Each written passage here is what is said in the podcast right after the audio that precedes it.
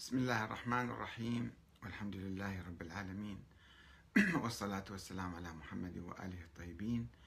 ثم السلام عليكم أيها الأخوة الكرام ورحمة الله وبركاته. ومرحبا بكم في برنامج أنت تسأل وأحمد الكاتب يجيب. آه، عنوان الحلقة هو أسطورة البداء. تنسف نظرية الإمامة الإلهية. وحديث القائمة الاثنى عشرية. السؤال مقدم لنا من الأخ علي سلامي. يقول أستاذنا المحترم السلام عليكم. قدمت لنا تفصيلا وافيا عما حصل بعد بعد الإمام الصادق عليه السلام.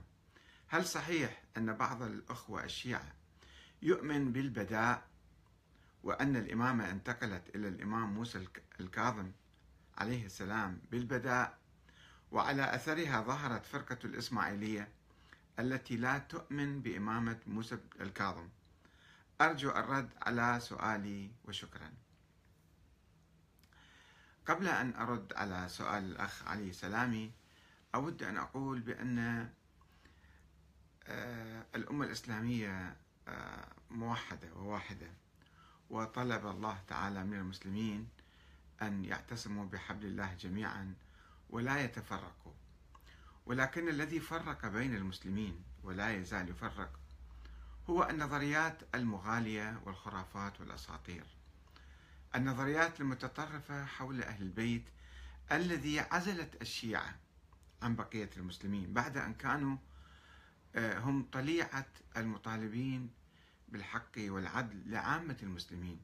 لم يكن الشيعة طائفة صغيرة أو حزبا صغيرا منعزلا في زاوية معينة إنما هم كانوا من ضمير الأمة ومن أوساط الأمة كلها. والتفوا حول أئمة أهل البيت في القرون الثلاثة الأولى لأنهم كانوا رمز المطالبة بالعدل والحق من الحكام الظلمة الجائرين. وعامة الشيعة لم يكونوا يغالون بأهل البيت ولذلك كانوا مندمجين بسائر المسلمين الذين عرفوا عرفوا فيما بعد بأنهم من أهل السنة. لذلك آه، علماء الرجال يعني آه، لا يستطيعون بسهولة أن يفرقوا بين الشيعة والسنة في الأوائل في الرواة الأوائل. يقولون هذا مثلا كان في تشيع أو كان مثلا يوالي الإمام علي أكثر من معاوية وهكذا. ما كانوا مغالين. النظريات المغالية حول أهل البيت التي ظهرت في القرون الثلاثة الأولى كانت سرية وكانت صغيرة جدا وكانت معزولة. لا يعرفها عامة الشيعة ولا يعرفها أهل البيت بل ينكرونها عندما يسمعون بهذه النظريات المغالية يستنكرونها أشد الاستنكار. ولكن بعد فترة بعد يعني وفاة الإمام الحسن العسكري بعد 100 سنة السياسيون وخاصة العباسيون حتى حاولوا تكوين فرقة من هؤلاء الغلاة وأسموها الفرقة الاثنى عشرية.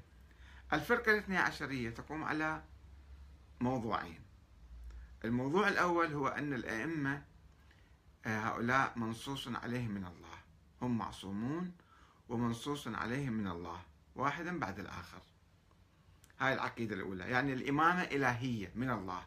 وليست منتخبة من الناس وليست مثلا آه، شيء عادي مدني أو عرفي. لا الإمامة بها صفة دينية. هاي الفكرة الأولى.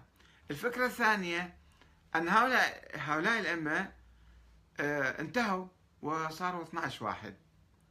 وجابوا أحاديث حول الاثنى عشرية أنه هذه الأحد الاثنى عشرية الأئمة الاثنى عشر نزل بأسمائهم جبرائيل.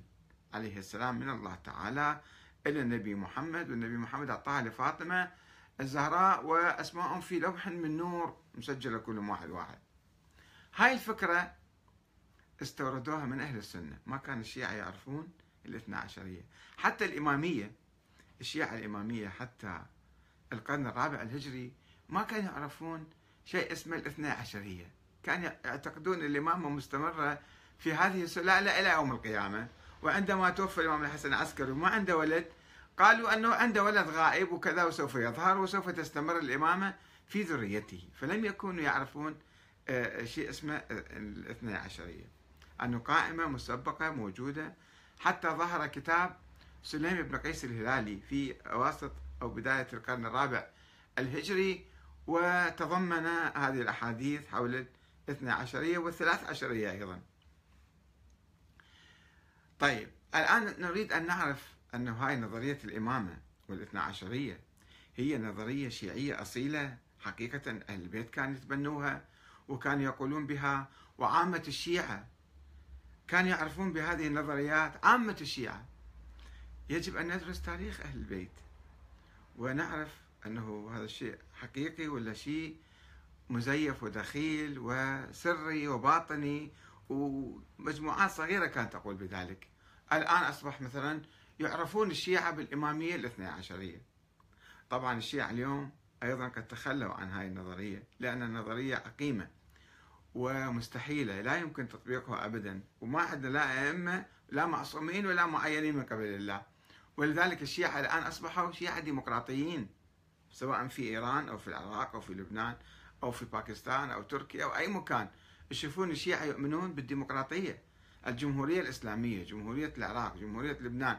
دائما الشيعة الآن غير الاسم اللي يطلق عليهم الشيعة الاثنى عشرية ولو بعض الناس كمثلا شيء تاريخي أو شيء نظري يؤمنون بذول الأئمة يزورون قبورهم مثلا واحد بعد واحد ويعتقدون أن ذولا كان عندهم منزلة عند الله يعني أئمة معينين من قبل الله أما على أرض الواقع هاي النظرية ما موجودة ولا يلتزم بها الشيعة ولا آه، يطبقونها طيب كيف نعرف أن هاي النظرية نظرية الإمامة الإلهية صحيحة أو مو صحيحة وكيف نعرف نظرية الاثنى عشرية كانت موجودة في حياة الأئمة السابقين أو لم تكن موجودة هناك في التراث الشيعي في كتب الشيخ الكليني الكافي كتاب الكافي وكتب الشيخ المفيد والسيد المرتضى والشيخ الطوسي.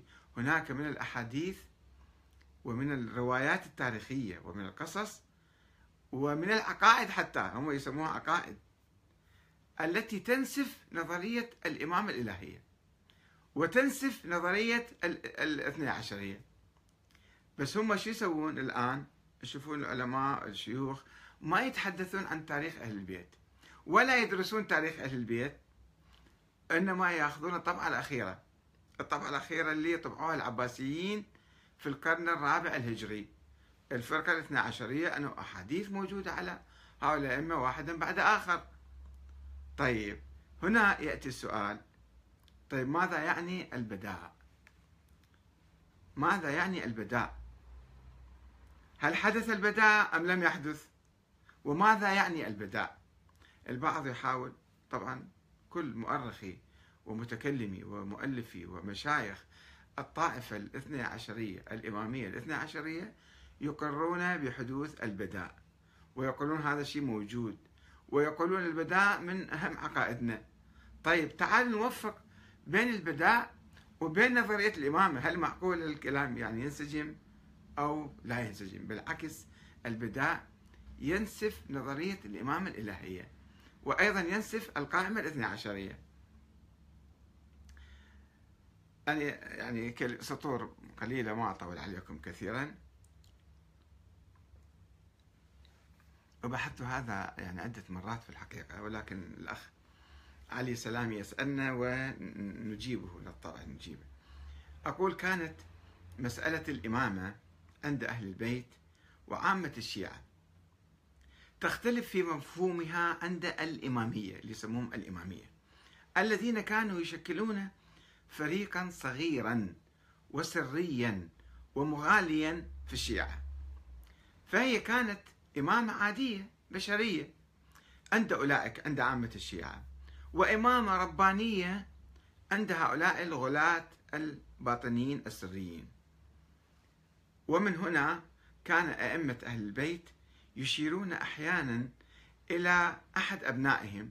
مثلا هو عالم مرجع كبير مثلا يرى أن ابنه هذا يصلح أن يكون مثلا زعيم الشيعة أو إمام الشيعة. أو يتوقعون أن يخلفهم في مقامهم التوجيهي والإرشادي الذي كانوا يقومون به. ولكن هذا الولد يموت في حياتهم في حياة الأئمة. فيشيرون إلى رجل آخر يقول طيب بس هذا ما تروح لفلان واحد آخر أو يخلون المسألة سكتة يعني ما يحكون شيء. ولا يجدون في ذلك أي حرج أو تناقض مسألة عادية.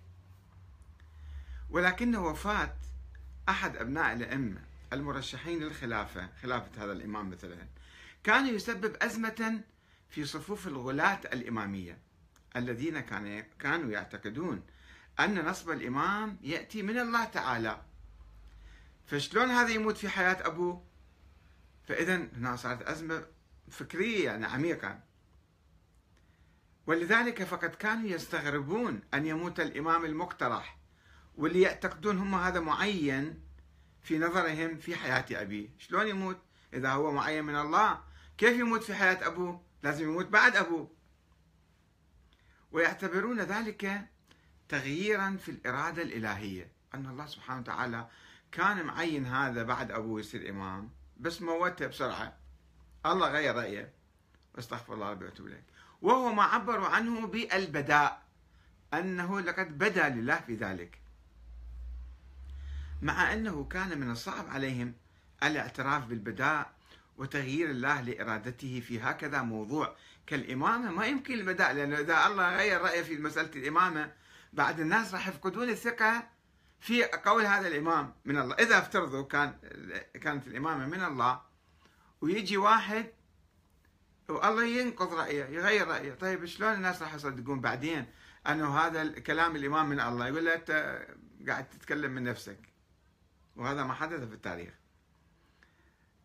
ولذلك أو وذلك لما يسببه التغيير في الإمامة من حرج وتشكيك للناس في صدقية الأئمة. والتراجع عن اعتبار النص من الله. بعد أحد ما راح يصدقهم بس مع ذلك هم شنو قالوا؟ قالوا هذا بدأ لأن ما في حل آخر عندهم. ولكن الواقع الإمام الصادق لم يكن يتبنى نظرية الإمام الإلهية أن بالنص من الله تعالى. القائمة على العلم الغيبي يجي علم من الله والنص من الله. أنه من عرفت هذا ابنك إسماعيل راح يجي بعدك؟ إجاك علم من الله كيف إجاك علم من الله وتبين الواقع كذب هذا العلم فإذا أنت ما عندك علم من الله. الناس يصيرون يكذبون الامام الصادق على الكلام هذا إذا ثبت عليه. وقد أشار الإمام الصادق إلى ابنه إسماعيل كخليفة مرتقب من بعده مسألة عادية. بصورة عادية كما يوصي أي عالم أتباعه باتباع أحد أبنائه المفضلين. هاي حقيقة الإمام الصادق. ولكن الله تعالى توفاه في حياته. مسألة سر عادية جدا ما يحتاج إلى يعني تفكير كثير. ولو كان تعيينه من الله لما مات قبل أبيه أو لم يكن الصادق يشير إليه من قبل خلافا لإرادة الله. الله يعني المفروض هو الإمام يعلم علم من الله إذا الإمام الإلهي يعني. شلون يقول هذا إمام بعدي ويموت قبل إذا هو ما عنده علم من الله؟ ولم يكن الله ليخبر أحدا بأن فلانا سيكون إماما. ثم بعده يعني ثم يتوفاه قبل أوان إمامته. يعني شلون صارت لعبة؟ ما صارت إمامة من الله يعني. هذا الشيء شوفوا شلون لما غالي بفكرة معينة وفت فرضية خرافية نجيب نظرية أسطورية راح توقعنا بأزمات. وفعلا وقع هذول الناس اللي كانوا يؤمنون بالإمامة الإلهية بأزمة فكرية خطيرة. وقد وقد أخبر آه، الصادق بتعيين ولكن الإمامية الذين كانوا يعتقدون بأن الإمامة من الله وأن الله تعالى قد أخبر الصادق بتعيين ابنه إسماعيل أصيبوا بصدمة نفسية كبيرة. فذهب بعضهم إلى حدوث البداء عند الله. قال آه شو نسوي بعد؟ الله غير رأيه وتغيير رأيه في إسماعيل. بينما ذهب قسم آخر إلى إنكار وفاة إسماعيل. هذول متعصبين جدا. قالوا مستحيل. الله يعين واحد. ويقول هذا إمام بعد الصادق ويموت قبل الصادق. هذا مستحيل هذا ما نقبل به. قالوا يا عمي الإمام الصادق دفنه وراواه الناس كلهم. وهذا قبره. قال لا هاي كلها مسرحية الإمام الصادق سواها. ومستحيل مو معقول ابدا ما نقبل إنه هذا مات. فاضطروا أن ينكروا حقيقة من حقائق الحياة وهي الموت حتى يحافظوا على نظريتهم السياسية الفكرية الدينية. وأصر هؤلاء على نقل الإمامة بعد الصادق إلى ذرية إسماعيل. ثم شكلوا الفرقة الإسماعيلية. لذلك صارت الفرقة الإسماعيلية. بينما قام بعض الإمامية بزعامة سليم بن جرير الرقي. هذا هم كان إمامي يعتقد أنه هو الإمام من الله وشيء هذا لما شاف صار يعني ارتباك بالموضوع ويعني الواقع كذب المسألة هذه فقام بمراجعة هذا موقفه من نظرية الإمامة الإلهية. وأعلنوا كفرهم بها هذول جماعته وجماعته. أعلنوا بكفر الكفر بنظرية الإمامة. طبعا قسم آخر اضطر أن يذهب إلى أن يقول الإمامة انتقلت إلى مثلا موسى بن جعفر. آه، يعني ما أو راحوا إلى عبد الله الأفطح ثم ذهبوا إلى موسى بن جعفر بعد ذلك. يعني عدة ارتباكات صارت بالحقيقة. آه، معذرة. وقد حدثت نفس القصة مرة أخرى بعد مئة عام تقريبا. نفس المشكلة هذه حدثت مرة أخرى. حيث أعلن الإمام علي علي الهادي عن ترشيح ابنه السيد محمد المدفون في مدينة بلد قرب سامراء. كخلف له كخلف للإمام الهادي ولكنه توفي في حياته فأوصى إلى أخيه الحسن العسكري وقال له يا بني أحدث لله شكرا فقد أحدث فيك أمرا. وفي رواية أخرى أحدث الله شكرا فقد أحدث فيك نعمة. هاي الرواية يرويها مشايخ الطائفة الاثنى عشرية. يقولون الكليني يرويها في الكافي جزء واحد صفحة 326 و 327 يروي هاي القصة قصة البداء والصفار محمد بن فروخ الصفار يرويها في كتاب بصائر الدرجات صفحة 473 والشيخ المفيد يرويها في كتاب الإرشاد صفحة 337 والشيخ الطوسي في كتاب الغيبة صفحة 122 شايفين أربعة خلال القرن الرابع والخامس يروون هاي الرواية أن البداء حدث هكذا. ويقولون أن شوفوا شنو يقولون بعدين. وقد روى مشايخ الطائفة الإمامية الاثنى عشرية الكليني والمفيد والصفار والطوسي عن أبي هاشم داود بن القاسم الجعفري. هذا كان مرافق للحسن العسكري في أيامه يعني. قال كنت عند أبي الحسن العسكري يعني إمام الهادي. وقت وفاة ابنه أبي جعفر اللي هو سيد محمد المدفون في بلد. لما توفى هذا في حياة أبي مثل إسماعيل يعني. وقد كان أشار إليه ودل عليه. الهادي كان قال لي هذا محمد ابني إن شاء الله يصير بعدي إمام عليكم. وإني هذا أبو هاشم يقول وإني لأفكر في نفسي وأقول هذه قصة أبي إبراهيم وقصة إسماعيل مثل ما قصة إسماعيل والإمام الصادق. فأقبل إلي أبو الحسن وقال إيه، نعم يا أبا هاشم بدا لله في أبي جعفر يعني محمد وصير مكانه أبا محمد الحسن العسكري يعني كما بدا له في إسماعيل. بعدما دل عليه أبو عبد الله أبو عبد الله ونصبه. وهو كما حدثتك نفسك وأنكره المبطلون. أبو محمد ابني الخلف من بعدي عنده ما تحتاجون إليه ومعه آلة الإمامة والحمد لله. طبعا فيها رواية شوية يعني غلو أيضا هو أنه كيف الإمام عرف هو دي يفكر وافتهم الإمام شنو دي يفكر وقال له. المهم ينقل الكلام. هسه يمكن الجو يعني آه، آه، دفاع أن يفكر هالشكل. هاي الرواية البداء حصول البداء مو بعض الناس ينكرون البداء يقولون لا ما صار. يقولون ظاهرة يفسرون البداء يقول ظاهرة من الله. لا مو ظاهرة من الله. هم يقولون الله غير رأيه. وما كان يعرف الإمام على أساس. هذه الكليني يرويها بالكافي كتاب الحجة باب الإشارة والنص على أبي محمد. حديث رقم ثمانية وتسعة وعشرة. صفحة 328 والطوسي في الغيبة صفحة 55 والمفيد في كتاب الإرشاد صفحة 317 يعني هاي القصة مالت البداء من أركان نظرية الإمامة يعتقدون بها ويعترفون بها أه ولكن خلينا نشوف هاي البداء.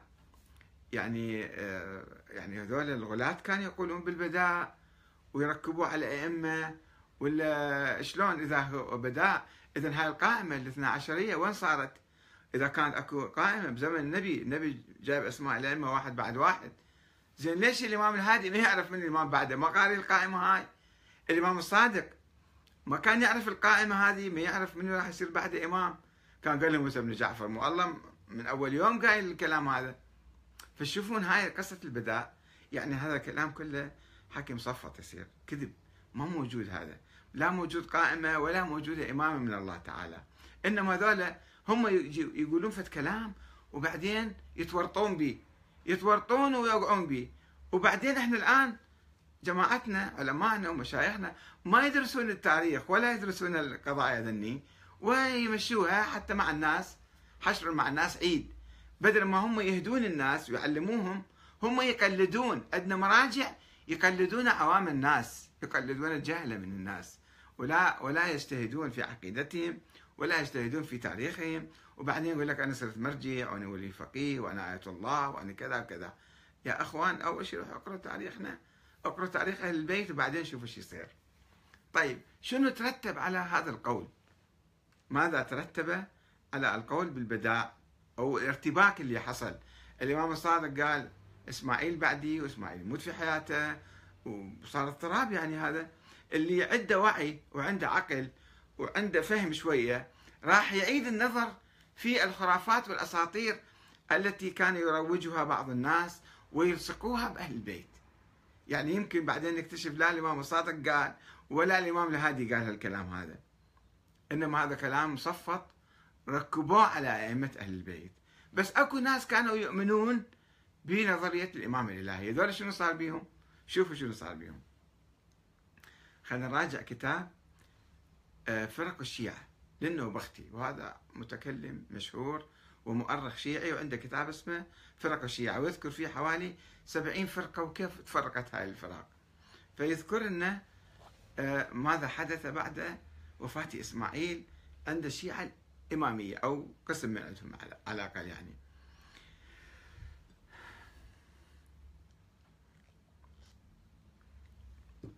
يقول المتكلم والمؤرخ الشيعي النوبختي. إنهم يعني الشيعة لما أشار جعفر إلى إمامة ابنه إسماعيل ثم مات إسماعيل في حياة أبيه رجعوا عن إمامة جعفر. وقالوا كذبنا. ضحكوا علينا. شلون إمامة إلهية والإمام يموت قبل ما يجي موعده. ولم يكن إماما. أصلا جعفر الصادق ما كان إمام من الله يعني. لأن الإمام لا يكذب ولا يقول ما لا يكون. فالشيء ما, يصير يؤدى عليه. من الله وشلون هذا بين ما حكى من عنده كان يقول. وحكموا على جعفر أنه قال إن الله عز وجل بدا له في إمامة إسماعيل. هم هسه هذول كانوا بالكوفة بين الحلة وبين الكوفة هذول يسموهم سليمانية وجرير الرقي. والإمام الصادق قاعد في المدينة ينقلون عنه أقوال البعض يصدق والبعض ما يصدق. هذول يبدو مصدقين كلام الإمام الصادق أنه هو يدعي الإمامة الإلهية وأنه أشار إلى إسماعيل وأنه قال بدأ لله في إسماعيل. مصدقين هالكلام فحطت عندهم هزة. هزة إيمانية قالوا هذا كلام كله ما نؤمن بعد. فأنكروا البداء والمشيئة من الله تعالى أن الله غير رأيه. وقالوا هذا باطل لا يجوز هذا مو معقول الكلام. ومالوا إلى مقالة البترية ومقالة سليمان بن جرير الرقي. وهو الذي قال لأصحابه بهذا السبب أن أئمة الرافضة هو ذبح على رأس الإمام الصادق بينما الحقيقة أنا أستبعد هالشيء هذا. وأنزه الإمام الصادق من القول بالإمامة. ولكن هذا ما ينقله آه، أنه بختي في القرن الثالث الهجري كان هذا. في أيام العسكري هو موجود كان. يقول أن أئمة الرافضة وضعوا لشيعتهم مقالتين لا يظهرون معهما من أئمتهم على كذب أبدا. عندهم طريقتين كل ما يقول الله غير رأيه أو يقول هالكلام إذا غير غيروا كلامهم يقولون هذا كان تقية. فعندهم مقولتين البداء والتقية. بعد ما حد يقدر يلزمهم. كل ما يحجون كلامنا صحيح كان هذا. آه نعم. وهما القول بالبداء وإجازة التقية أو التقية. فأما البداء فإن أئمتهم لما أحلوا أنفسهم من شيعتهم محل الأنبياء من رعيتها. هم سووا أنفسهم مثل الأنبياء ينزل عليهم وحي وملائكة ينزلون عليهم. والعياذ بالله هذا أنا أيضا أستبعده. آه، بس هذا كما يقول كما يقولون ذول الجماعة الشيعة اللي صارتهم صدمة وردة على نظرية الإمامة آه، وجعلوا وأحلوا أنفسهم من شيعتهم محل الأنبياء من رعيتها في العلم فيما كان ويكون والإخبار بما يكون في غد. هذا الغلاة هكذا يقولون. الأئمة يعرفون كل شيء علم الأولين والآخرين عندهم. ما ما كان وما يكون وما, وما هو كائن إلى يوم القيامة. شوفوا شلون كلام كبير هذا يعني جدا. وقالوا لشيعتهم إنه سيكون في غد وفي غابر الأيام كذا وكذا. فإن جاء ذلك الشيء على ما قالوا إذا صار الشيء نفسه قالوا لهم ألم نعلمكم أن هذا يكون؟ فنحن نعلم نعلم من قبل الله عز وجل ما علمته الأنبياء وبيننا وبين الله عز وجل مثل تلك الأسباب التي علمت بها الأنبياء عن الله ما علمت. يعني وحي ينزل علينا. وإحنا عندنا علم من الله. شفتوا مثل ما قلنا لكم صار. إذا إذا طابق الكلام حدث نفس الشيء اللي كانوا يتوقعوه. فيقولون شفتوا إحنا عندنا علم من الله.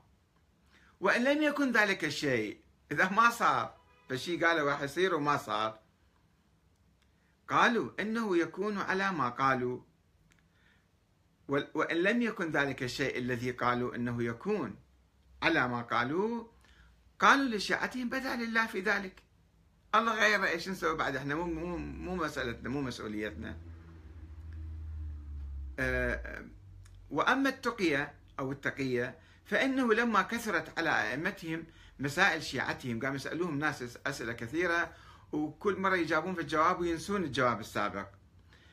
أه وحفظ فإنه لما كثرت على أئمتهم مسائل شيعتهم في الحلال والحرام وغير ذلك من صنوف أبواب الدين فأجابوا فيها أجوبة وحفظ عنهم شيعتهم جواب ما سألوهم وكتبوه. ودونوه ولم يحفظ أئمتهم تلك الأجوبة لتقادم العهد وتفاوت الأوقات لأن مسائلهم لم ترد في يوم واحد ولا في شهر واحد بل في سنين متباعدة وأشهر متباينة وأوقات متفرقة فوقع في أيديهم في المسألة الواحدة أيدي الشيعة يعني عدة أجوبة مختلفة ومتضادة وفي مسائل مختلفة أجوبة متفقة بالعكس يعني. فلما وقفوا على ذلك منهم يعني الشيعة وقفوا شافوا كلامهم متناقض ردوا إليها هذا الاختلاف والتخليط في جواباتهم. قال لهم هاي شنو أجوبتكم؟ متناقضة. وسألوهم عنه وأنكروه عليهم. قالوا هذا الشيء مو صحيح. شلون تجاوبون في مسألة واحدة في حكم واحد؟ عدة أجوبة. فقالوا من أين هذا الاختلاف؟ وكيف جاز لنا جاز ذلك؟ قالت لهم أئمتهم إنما أجبنا بهذا للتقية أو للتقية. إحنا جوابنا متناقض للتقية. ولنا أن نجيب بما أجبنا. إحنا كيفنا؟ وكيف شئنا لأن ذلك إلينا. إحنا كيفنا نفتي بالمتناقضات أيضا؟ ونحن نعلم بما يصلحكم وما فيه بقاؤنا وبقاؤكم وكف عدوكم عنا وعنكم. يقولون ذولا أئمتهم جاوب جاوبوا هالشكل هذا كما ينقل إنه بختي وأنا غير مسؤول عنه حقيقة. ولا يعني أشوف الكلام أنه هو يبني على أنه الائمه قالوا هالكلام. وأنا أشك في أنهم قالوا هالكلام لأنه الناس ينقلون روايات متناقضة عنهم. فمتى هذول السليمانية أو البترية أو الجماعة جماعة آه، جرير الرقي قالوا فمتى يظهر من هؤلاء على كذب؟ كلامهم متناقض ومختلف. كل ما نسألهم يقولون ها والله صار بداء ها والله إحنا تقية كنا نحكي. فما راح نقدر نمسكهم بشيء. ومتى يعرف لهم حق من باطل؟ ما قدرنا نفتي بعد. شنو الحق وشنو الباطل؟ فمال إلى سليمان بن جرير. هذا لهذا القول هذا سليمان بن جرير قال الكلام. يعني شكك بإمامة الصادق والأئمة الآخرين. فمال إلى سليمان بن جرير هذا لهذا القول جماعة من أصحاب أبي جعفر. يعني جماعة من شيعة الإمام جعفر الصادق قالوا يعني الإمام الصادق مو إمام من الله إنسان عادي وهذا كلام كله مو كان صحيح. وتركوا القول بإمامة جعفر. بطلوا قالوا هذا شلون كلام؟ البداء نسف عقيدة الإمامة. وهذا حدث في التاريخ. وهذا يذكره النوبختي في كتاب فرق الشيعة صفحة 63 و 66 طيب الآن شو يصير إذا نظرية الإمامة الإلهية راحت؟ شو يصير يعني؟ راح تنقلب الدنيا يعني راح تغير الأمور. نشوف ذولا الجريرية أو سليمانية يسموهم شنو صار بيهم؟ شنو تبنوا؟ تبنوا العقيدة أو الموقف اللي الآن الشيعة يتبنوه. بعد أن الإمامة سالبة بانتفاء الموضوع ما موجود الأئمة. فالشيعة راحوا إلى الشورى وراحوا إلى الديمقراطية وذول الشيعة السليمانية أيضا وصلوا لهذه النتيجة قبل 1300 400 سنة. وذهب سليمان بن جرير الرقي بعد ذلك إلى القول أن بأن الإمامة شورى مو بالنص ولا بالأسماء ولا شيء من القبيل ولا بالوراثة. وجواز إمامة المفضول. مو شرط يكون أعلم الناس وكذا. أصلا كيف نعرف هذا أعلم الناس وهذا أتقى الناس وهذا كذا؟ أي واحد آه، إنسان فاضل إحنا نتبعه ونختاره يكون إمام على المسلمين وإليه تنسب السليمانية. والشيعة اليوم كلهم صاروا سليمانية في الحقيقة. يعني اتركوا النظرية التاريخية قبل 1400 سنة. كان يوجد أئمة معصومين أو لم يوجد. وقال الأئمة بذلك أو لم يقولوا. وحدث البداء أو لم يحدث البداء. بالنتيجة الآن وصلنا إلى تلك النقطة التي قال بها أولئك الشيعة العقلاء. الواعون يعني المؤمنون راجعوا. طبعا هذا التاريخ هؤلاء السليمانية في كتاب الملل والنحل والفرق بين الفرق والوافد الصافدي كل مرة يذكرون ذولا شنو كان رأيهم صار؟ رأيهم صار يتبنون الشورى كما الآن عامة الشيعة يتبنون الشورى. فهي مسألة البداء. بس شنو باقي عندنا؟ باقي بعض الناس يعتقدون أنهم شيعة يعتقدون. ويؤمنون بنظرية بائدة ومنقرضة قبل 1300 سنة ما لها وجود أصلا. ويعتقدون ذول الأئمة معصومين ومنصوص عليهم من الله وعندهم منزلة كذا من الله. وبالتالي صار إحنا متفرقين شيعة وسنة. إذا رجعنا للنظرية المعتدلة إلى حقيقة مذهب أهل البيت مذهب الشورى. النظرية السياسية لأهل البيت هي الشورى وليس النص ولا الأسماء ولا هالأقوال المغالية. هذه أقوال قال بها فريق من الشيعة. بصورة سرية وبصورة باطنية مناقضة لأهل البيت وورطوا الناس وسووا مشاكل لهم. وبعدين وقعوا في أزمة ألف سنة ينتظرون هذا الإمام المعصوم المعين من قبل الله حتى يخرج ويقيم لهم دولة وهذا ما طلع. فإذا آخر شيء قالوا وداعا لنظرية الإمامة وخلي إحنا ننتخب الإمام من عندنا الإمام أي واحد كان مو شرط يكون أعلم الناس وأفضل الناس أي واحد كان يمكن ننتخبه ونراقبه ونحاسبه ونغيره ونأمره بالمعروف وننهاه عن المنكر في عملية تبادلية في الثقافة الديمقراطية الإسلامية. والسلام عليكم ورحمة الله وبركاته.